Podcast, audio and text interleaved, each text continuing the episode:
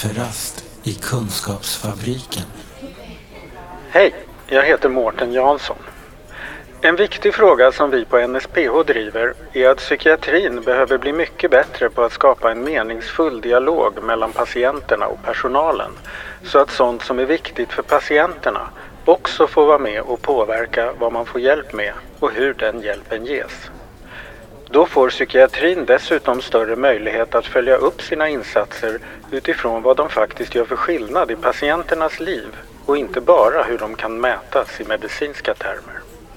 Välkommen till kafferast i Kunskapsfabriken, Andreas Gremyr. Tack så mycket Mårten. Kul att vara med. Ja, det fick bli digitalt trots att jag var i Göteborg igår. Eh, men Precis. ibland blir det så. Mm. Men först måste jag fråga det viktigaste. Har du precis doktorerat? Just det. Mm. Vad doktorerade du i då? Jo, hur kan man för, för, sammanfatta det lite kort sådär. Eh, vården präglas ju av höga ambitioner men, men dåligt teknikstöd och inte minst om man har liksom kognitiv funktionsnedsättning som kommer med många psykiatriska problem. Mm. Eh, och eh, då har vi svårt att uppfylla patientlagen och göra patienterna delaktiga i beslut och behandling mm. och uppföljning av sin egen vård. Så vi, på Sahlgrenska så gjorde vi ett, ett, ett, försök att utveckla någon sorts patientöversikt för schizofreni där man tillsammans under besöken kan följa utvecklingen över tid olika skattningsskalor och indikatorer. Mm. Uh, och se hur det upplevdes användas och effekten av det. Och det är det du har doktorerat på också? Då? Och det ledde till en avhandling då, mm. precis. Och då är det det här verktyget som heter Dialog Plus?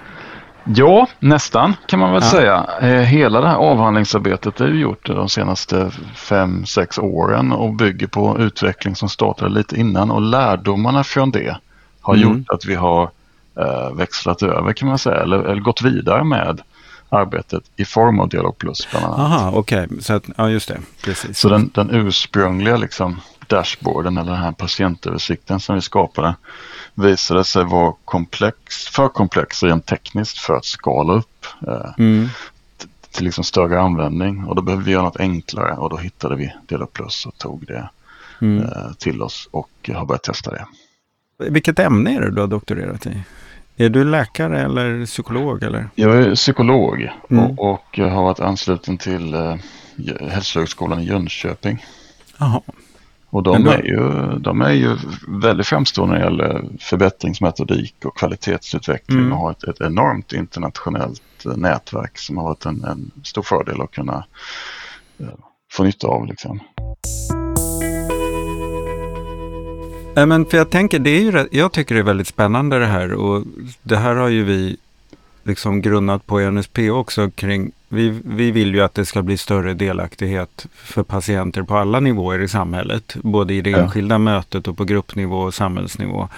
Och en brist då är ju att på, grupp, eller på enskild nivå så handlar det väldigt lite om sånt som är viktigt för patienten eh, när det är uppföljning och utvärdering, utan det handlar ganska mycket om vad vården tycker är viktigt för vården.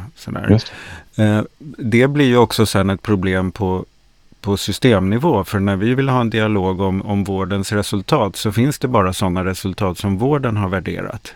Och vi, vi har väldigt svårt att säga, men var har ni underlagen som berättar om hur det går för patienterna sen? Eh, och, det, och då blir det ju också att det här som ni börjat fingra på då, även om det är ett verktyg för i det enskilda mötet mellan en behandlare och en patient så är ju det ger ju det möjlighet att faktiskt börja styra på kvaliteter som man inte har ägnat sig så mycket åt tidigare. Och det, eh, var det något ni hade med också från början eller var ert fokus på det enskilda mötet? Nej, utan det är, det är i linje med det du säger att, att det handlar både om individperspektivet och systemperspektivet. Och i själva verket är det så att en del av avhandlingen tittar på vad finns det för forskning kopplat till detta mer specifikt, liksom med mm. uppföljningsstöd för individer och systemaspekter av det. Eh, och det är det begreppet som kallas för lärande hälsosystem eller learning health systems. Och där tänker man sig att, att själva motorn i ett sådant system är det som händer på individnivå. Ja, den, den mm. datan som stödjer eh, behandlingen på individnivå som, som, som är resultatet av uppföljningar är den absolut bästa datan att styra på eller att använda till kvalitetsutveckling eller att bedriva pragmatisk forskning kring vad som funkar i praktiken. Mm. Eh, så det är där det behöver fungera. Så fort man kringgår det och tänker att men vi ska mäta lite högre upp, vi ska mäta på enhetsnivå vad man gör, då har man tappat möjligheten både att förstå vilka som blir bättre men också att faktiskt ge feedback som, som kan hjälpa till att modifiera beteende och stödja Mm. förändringar. Just det. Ehm, och jag tänker också att det där som brukar hända då när man går upp ett snäpp och ska studera och tappar den där kontakten. Då tappar man kontakt både med vad som är viktigt för patienterna men också vad personalen kan bidra med. Och i min erfarenhet att eh, liksom personalen tappar liksom kontakt med kan säga, det blir inte längre en faktor i utvecklingsarbetet på det viset. Eller deras skicklighet kan inte användas heller. Eh, utan det. det blir väldigt mycket så här att man då börjar studera hur många insatser man har gjort. Eller att man räknar produktion och försöker göra någon slags analys av vad, vad det ger. Men man har, Just det. ja, Just det. så det skapar problem på flera håll. Ja, och, och det är den där, jag vet inte, den eh, inneboende längtan något sätt att försöka förenkla så att det blir begripligt. Jag tror Mm. att då förenklar vi så mycket så att den här tysta kunskapen som personalen har och eh, inte riktigt kommer med eller värderas. Liksom. Ja, precis. Och, och jag tror också att det kan finnas något lite lurigt där. i- Alltså vi har ett system eller en förvaltningskultur som har en bild av sig själv att nog är det väl vi här uppe som tänker ut vad som behövs. Mm. Ehm, och det har vi duktiga myndigheter och forskare som tar fram. Och sen räcker det med då att göra det som de har sagt verkar vara bäst. Just det. Just det. Och det har ju också med synen på kunskap. Alltså vet man precis vad som behövs för att verkställa någonting. Då Mm. behöver man inte kontrollera resultatet utan då ser man bara till att man gör de sakerna som behövs. Just det. Mm. Men det gör att vi styr i blindo eftersom vi faktiskt Mm. inte vet vad som behövs. Och inom just schizofrenivården så, så finns det ju rätt omfattande studier på eh, alla patienter med schizofreni i Socialstyrelsens patientregister under ett år. Och Mm. där visar det sig att över 70 procent av alla behandlingsförsök misslyckas. Så att även fast vi har enormt mycket forskning, även fast vi har tillgång till evidensbaserade behandlingar så lyckas vi inte. Eh, och, och då räcker det inte med att ja, men då får vi förfina riktlinjerna eller rutinerna. För det är inte där problemet verkar ligga utan det är kontakten, delaktigheten, uppföljningen, styrningen ihop. Liksom. Mm. Hur mycket har ni kunnat hunnit använda nu då, verktyget hos er? Eh, vi började med lite mer småskaliga tester förra året eh, och då var det en, en handfull, det var fem, fem behandlare eh, som testade Dialog Plus tillsammans med 19 patienter under en, en begränsad period. Mm. Och nu precis sen i mitten på våren så har vi börjat testa det i lite större skala. Så att det kanske är ett 80-tal s- Dialog Plus-sessioner har trillat in Mm. hittills då.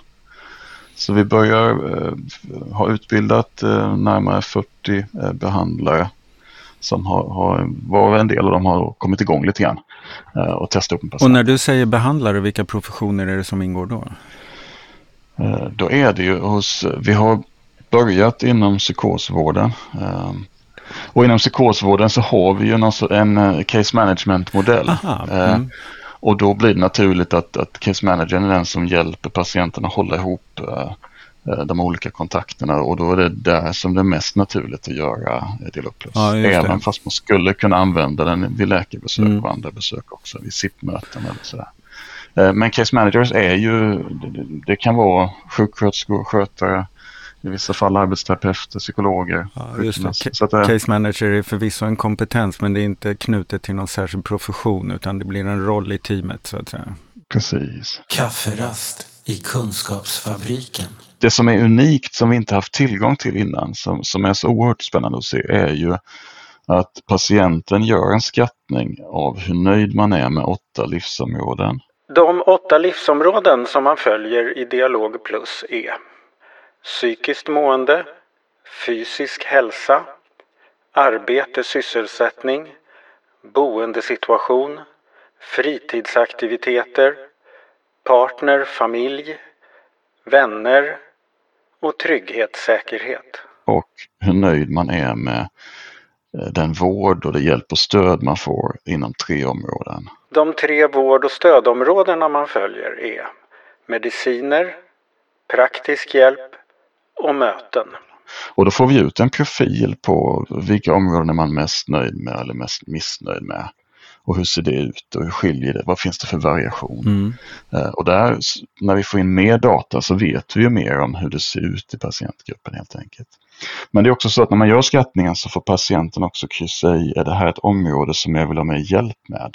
Och sen så väljer man tillsammans ut, och av de här sakerna som, som vi identifierat att, att du har behov med, vad ska vi välja att prata om idag? Mm. Och så väljer man ut en till tre saker. Och då kan man ju se först liksom, hur ser nöjdheten ut med de här områdena? Vad är det man identifierar att man har behov kring? Mm. Och vad är det man adresserar under Ja, mötet? just det. och det är ju information som vi inte har suttit på innan. Nej, och det är ju en oerhörd utveckling jämfört med en generell upplysning om nöjdhet med mötet bara. Precis. Och dessutom kan man se vad är det för, för, för då när man väljer ut ett område som ska vara fokus för dagens besök, till exempel mitt, min psykiska hälsa, Mm. så, så dyker man ner mer i det. Och vad, vad betyder den här skattningen för dig? Varför är den inte lägre eller varför är den inte högre? Vad, vad är det du önskar? Och vad kan vi göra åt det? Vad kan du göra? Vad kan jag göra? Vad kan vi ta hjälp av andra att Mm. göra? Och så beskriver man kort i en, eh, en mening eller två eh, vad åtgärden är. Vad ska vi göra, någon av oss till nästa gång? Så vi får ju också information om vad det är man tänker att man behöver göra för att komma vidare. Ja, Så sammantaget ger det väldigt mycket spännande information. just det. Och, och inte bara check på vad som har hänt utan faktiskt ganska mycket ledning om vart man vill. Just det, Och det är ju rätt finurligt faktiskt. precis. Och det jag längtar efter nu är ju att vi ska få lite mer volym. För nu börjar vi kunna se att ja, det kanske är ett 40-tal som har gjort, eller 48 tror jag det var sist jag kollade, som har gjort Dialog Plus minst en gång. Mm. Eh, Men det är bara en som har gjort det fyra gånger. Mm. Men så fort man får upp fler som har gjort fler gånger så kan man ju se förändringen över tid. Just det. Vilka områden är det som vi ser förändring eller försämring eller eh, och, och börja titta på vad är det, är det liksom geografisk spridning på var man blir bättre någonstans eller är det andra aspekter Mm. som, som påverkar vilka som blir bättre? Det blir också intressant att se när man har lite större datamängd att se vilka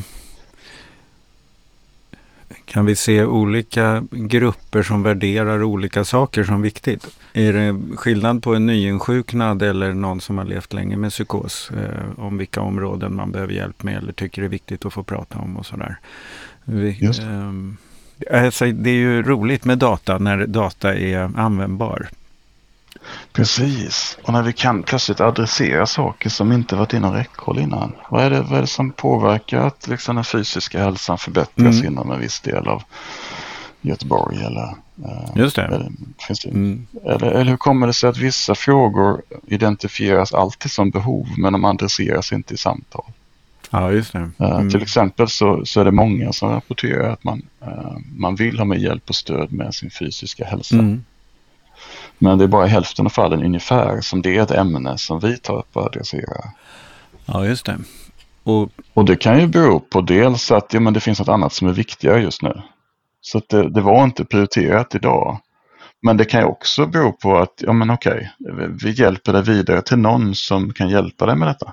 Att det inte är det här mötets uppgift att hantera det. Nej, Så det är ja. sånt man får börja titta på då. Och det kan ju också vara att patienten har, har en illusion om vad som är vårdens uppdrag som inte stämmer. Precis. Eller att man har fått för sig, nej men Precis. det här ska jag väl inte störa dem med. Men det kanske man visst ska. För ni kan visst, om inte göra det själva, kanske länka till något. Så att säga. Just det, Mm. just det. Och det är det, eh, en kollega till mig som jobbar tajt med detta, heter Marcus Lundmark och han har intervjuat alla de patienterna som var okej med att bli intervjuade i, i, i den första omgången. Mm. Ehm, och eh, då var det slående att flera sa just det att jag visste inte att jag kunde prata om de här Nej. sakerna på mina besök. Det är intressant. Men då om jag får vara lite sådär förnumstigt fördomsfull kring professioner i vården.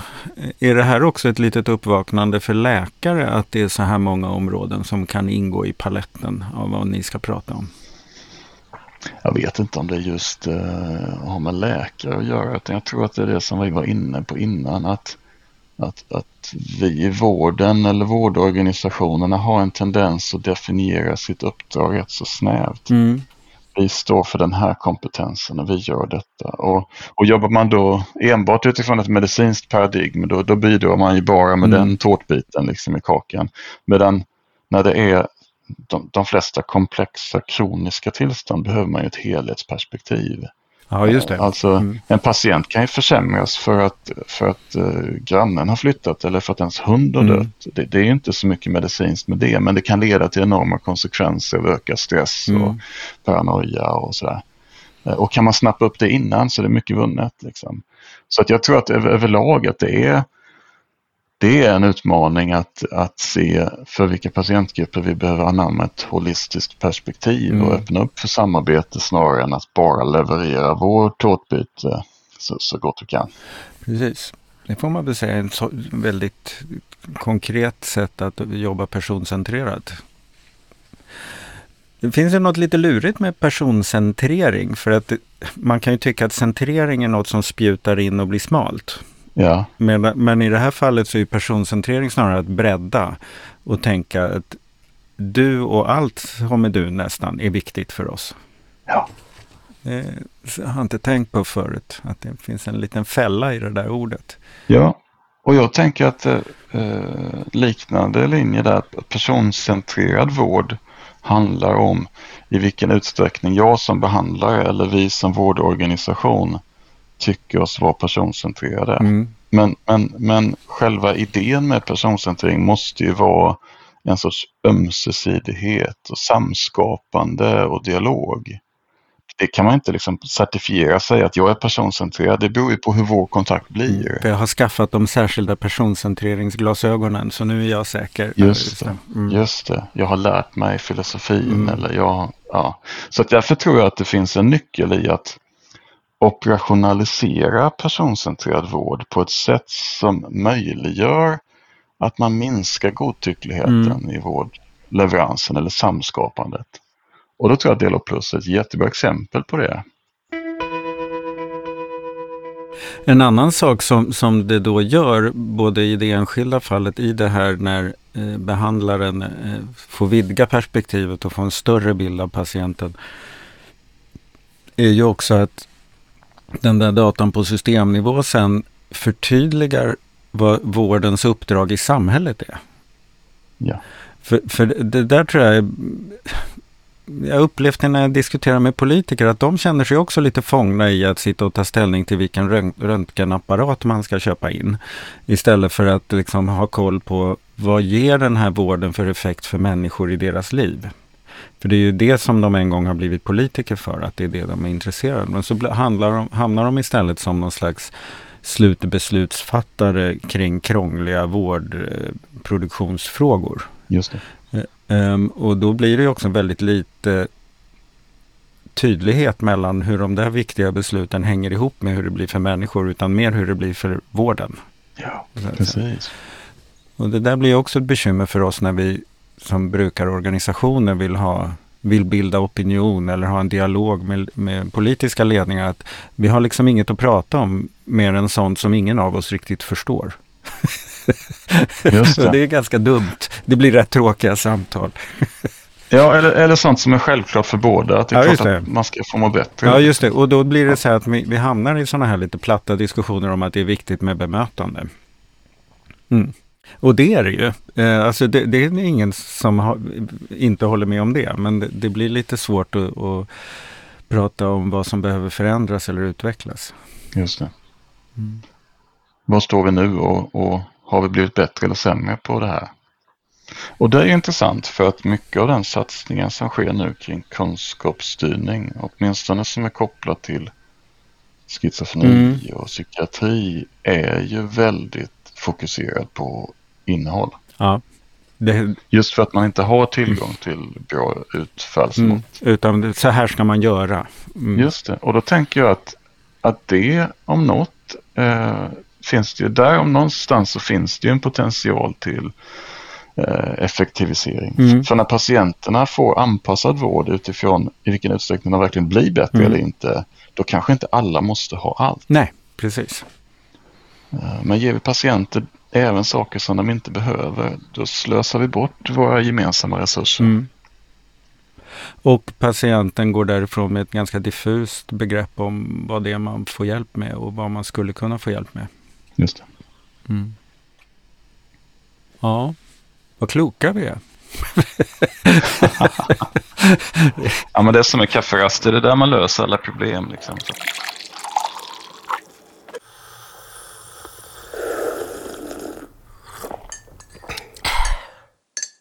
Någonstans tänker jag att det handlar om, om den rådande synen på kunskap på något Mm. sätt. Alltså att vi, vi är riktlinjestyrda just nu på något sätt. Och, och, och det måste dyka upp andra alternativ, bättre alternativ.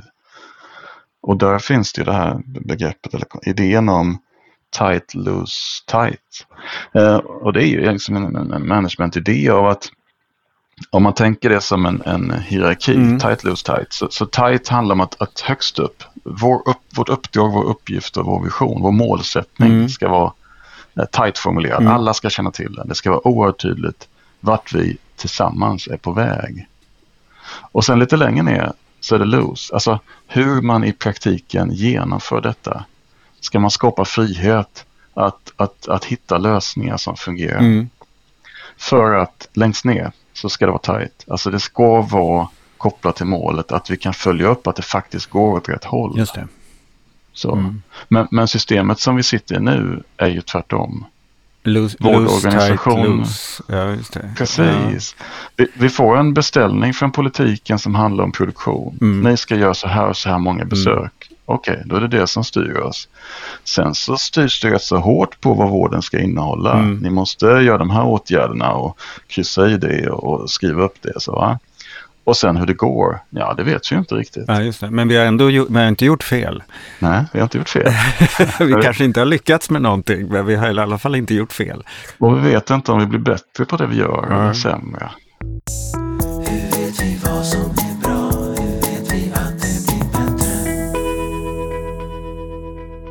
Hur kommer ni fortsätta jobba med verktyget nu? Nu är det två, två processer samtidigt. Ehm, så att vi har ju en, en, en, en teknisk lösning som är okej att vi använder för den här lite mer uppskalade Mm. testningen. Men för att komma vidare nästa steg så, så behöver vi helt få till förvaltning och ansvar och sådär. Och det, det är på gång. Eh, och då kommer vi kunna eh, skala upp eh, och använda den i hela regionen, Mhm. VGR. Eh, Så det, det är det första Mm. steget. Då. Och då finns det även där två spår. Det första spåret är ju att, att se vilka patientgrupper inom psykiatrin är betjänta av det här sättet att jobba Mm. och vilka enheter skulle vilja börja testa det Mm. och utbilda och testa lite, lite mer. Eh, Och det andra spåret är att, att ja, jag, har aldrig, jag har haft förmånen att jobba med många projekt som handlar om uppföljning och utveckling inom psykiatrin. Jag har aldrig varit med om att ett projekt väckt- så mycket positiv respons. På, hos Eh. både patienter och personal, eller? Precis.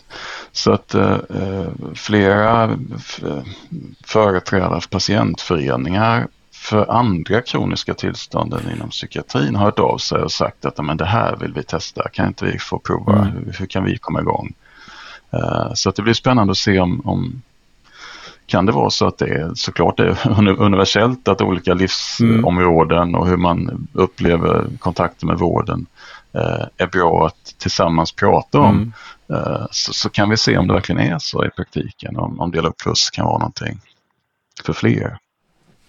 Och när du nu har hållit på och grävt ner dig och blivit doktor i det här, vad, vad, känner, vad, vad, vad ligger närmast till hands för dig att vilja lära dig mer om?